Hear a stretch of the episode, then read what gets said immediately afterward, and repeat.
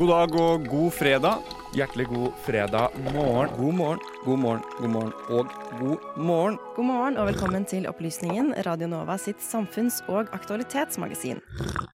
Med opplysningen 99,3 på øret, ja, da blir det en god fredagsmorgen. Opplysningen 99,3. Hver fredag fra 10 til 11 på Radio Nova. Det stemmer. Du hører fortsatt på Opplysningen. um, og nå skal vi videre til en sak. Har dere her i studio noensinne hørt om fenomenet quiet quitting? Ja. Ja? ja, i den forstand at jeg har tolka det som sånn folk på jobb som i stedet sånn de, de bare slutter ikke, eller de slutter ikke å gi en innsats, men de gjør akkurat tilstrekkelig det arbeidsbeskrivelsen sier at de skal gjøre.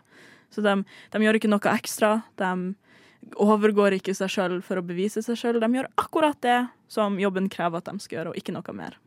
Er det noe av det samme du har eh, hørt om, Amalie? Ja. Eh, og så kom jeg akkurat på en sånn opplevelse fra egentlig. Vi har jobba på en sånn kafé i England hvor jeg, jeg fikk beskjed av sjefen min om hva jeg skulle gjøre når jeg stengte. Hvis jeg skulle gjøre det akkurat sånn som sjefen sa, så måtte jeg jobbe gratis tre kvarter eh, etter at jeg var ja, arbeidstiden min var over. Men så kom det en mer erfaren kollega som sa ja, men det skal du ikke gjøre. Du må jo Nei. gå klokka ni, liksom. Da er du ferdig. Og så ble jeg sånn Å ja, kan jeg gjøre det? Så jeg begynte med det, da. Eh, og jeg vet ikke om det er en form for quiet quitting. jeg vet ikke. Ja, kanskje. Men jeg vet ikke, stemmer begrepet da? Hvis om quiet quitting? Det, man slutter jo ikke. Er det quitting, eller slutter man med den overdådige innsatsen i jobben, på en måte, eller hva? Ja, det, det, altså det går vel litt unna fenomenet med tanke på at man ikke skal eh, bruke noe ekstra tid på jobb, og ikke liksom legge inn noe ekstra krefter og entusiasme. Men det er jo det er sånn som jeg har forstått quiet quitting, så handler det jo litt om at man er utbrent og rett og slett er lei av å jobbe og ikke orker å jobbe kjempe, kjempemye og legge inn masse innsats. Så det, kanskje det har litt mer med intensjon å gjøre. Føler du det var quiet quitting, Amalie? um, nei, kanskje ikke. For jeg la jo ned masse innsats resten av Ja, ikke sant? Ikke sant. liksom, jeg, kjeder meg veldig fort på jobb. Så det er sånn, Jeg gidder jo ikke å bare stå og kjede meg. Da begynner jeg å vaske et eller annet. Eller Ja. Men da er neste spørsmålet mitt Hadde dere tur å gjøre det? Kanskje. Kanskje. Det, det, det svaret må jeg nesten avvente med. Jeg kan komme tilbake til det senere i høst. Nå har jeg liksom tenker litt over spørsmålet. ja, det er absolutt hørt gjøre det. Altså, det spørs litt hvor man jobber. Eh, sånn som eh, vi som kanskje har lyst til å jobbe i journalistikk, så er det jo kanskje ikke noe poeng. For det er jo en jobb vi har lyst på. Men hvis man jobber et sted man egentlig ikke er så interessert i, og føler at det er et ondt, stort selskap som er sjefen, så why not? Ja. Og eh, nå har eh, vår reporter Benjamin Nordtømme Han har fulgt røttene tilbake til Kina. Så la oss høre på hva han har funnet ut av. Hvis du noen gang føler deg håpløs som ung i Oslo, da bør du kanskje låne et øre til ca. 84 millioner mennesker i Kina. Det stemmer. Det er 84 millioner mennesker i Kina på din alder. Hva har de med deg å gjøre? Vel, de kan vise seg å være de originale trendsetterne bak fenomenet quiet quitting, som også tar den vestlige verden med storm.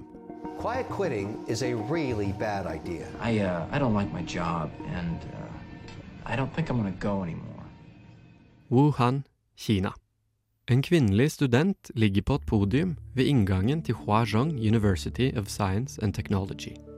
Kledd i en blå akademisk kappe ligger hun bøyd baklengs over den store marmorsteinen.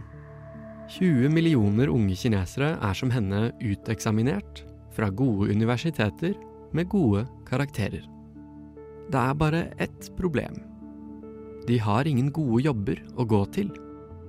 Blant unge har arbeidsløsheten økt til 26% Det er offisielle tall fra myndighetene i Kina, som har godt motiv for å sminke på de tallene. I realiteten er det vanskelig å anslå om problemet egentlig er større. Blant ungdommen i Kina føles tallene i hvert fall ekte. For du har altså valget mellom å jobbe tolv timers arbeidsdager, seks dager i uka, eller du kan være hjemme, lese bøker, gå på turer. Jobb og fritid, det er en evig balanse. Vår generasjon har gjenoppdaget et eldgammelt fenomen, og kaller det nå quiet quitting. Å skjære ned i ambisjon på arbeidsplassen til fordel for mer fritid. Materialismen be damned. Vi skal sjelevandre. Kinas nyere historie er preget av enorm materiell vekst. År etter år har økonomien vokst med stødige 8-9 Maoismen er erstattet med Xi Jinpings håndbok, Socialism with Chinese Characteristics. Et system som for lengst har forlatt noe mål om å oppnå kommunisme. Det kunne være det samme. La det råtne, er svaret fra Kinas counterculture. Bevegelsen har ingen leder, og er heller ikke helt ny. Det startet for lenge siden, med et byråkrati på 1500-tallet. Den øverste ambisjonen den gang var å bli en lao ye, en mester, en statlig lærd i keiserens tjeneste. Europeerne som møtte dem, kalte dem mandariner, fra portugisisk mandarin, den som gir befalinger. Og akkurat som i vår tid var presset stort. Så stort at mange fikk nok og meldte seg av rotteracet. Blant middelklassen valgte mange heller å leve et sparsommelig liv med mye fritid. Og i dag har det kinesiske kommunistpartiet samme problem. Det som kanskje ergrer myndighetene aller mest, er motkulturens opphav i middelklassen. Et av Kinas desidert viktigste nåværende mål er å stimulere etterspørsel av konsumvarer. Uten jobb og uten penger på hånden, eller ønske om materiell velstand, hvem skal kjøpe varene? Det er uvisst om myndighetene klarer å snu utviklingen. På sosiale medier er uttrykket 'bailan' for lengst sensurert.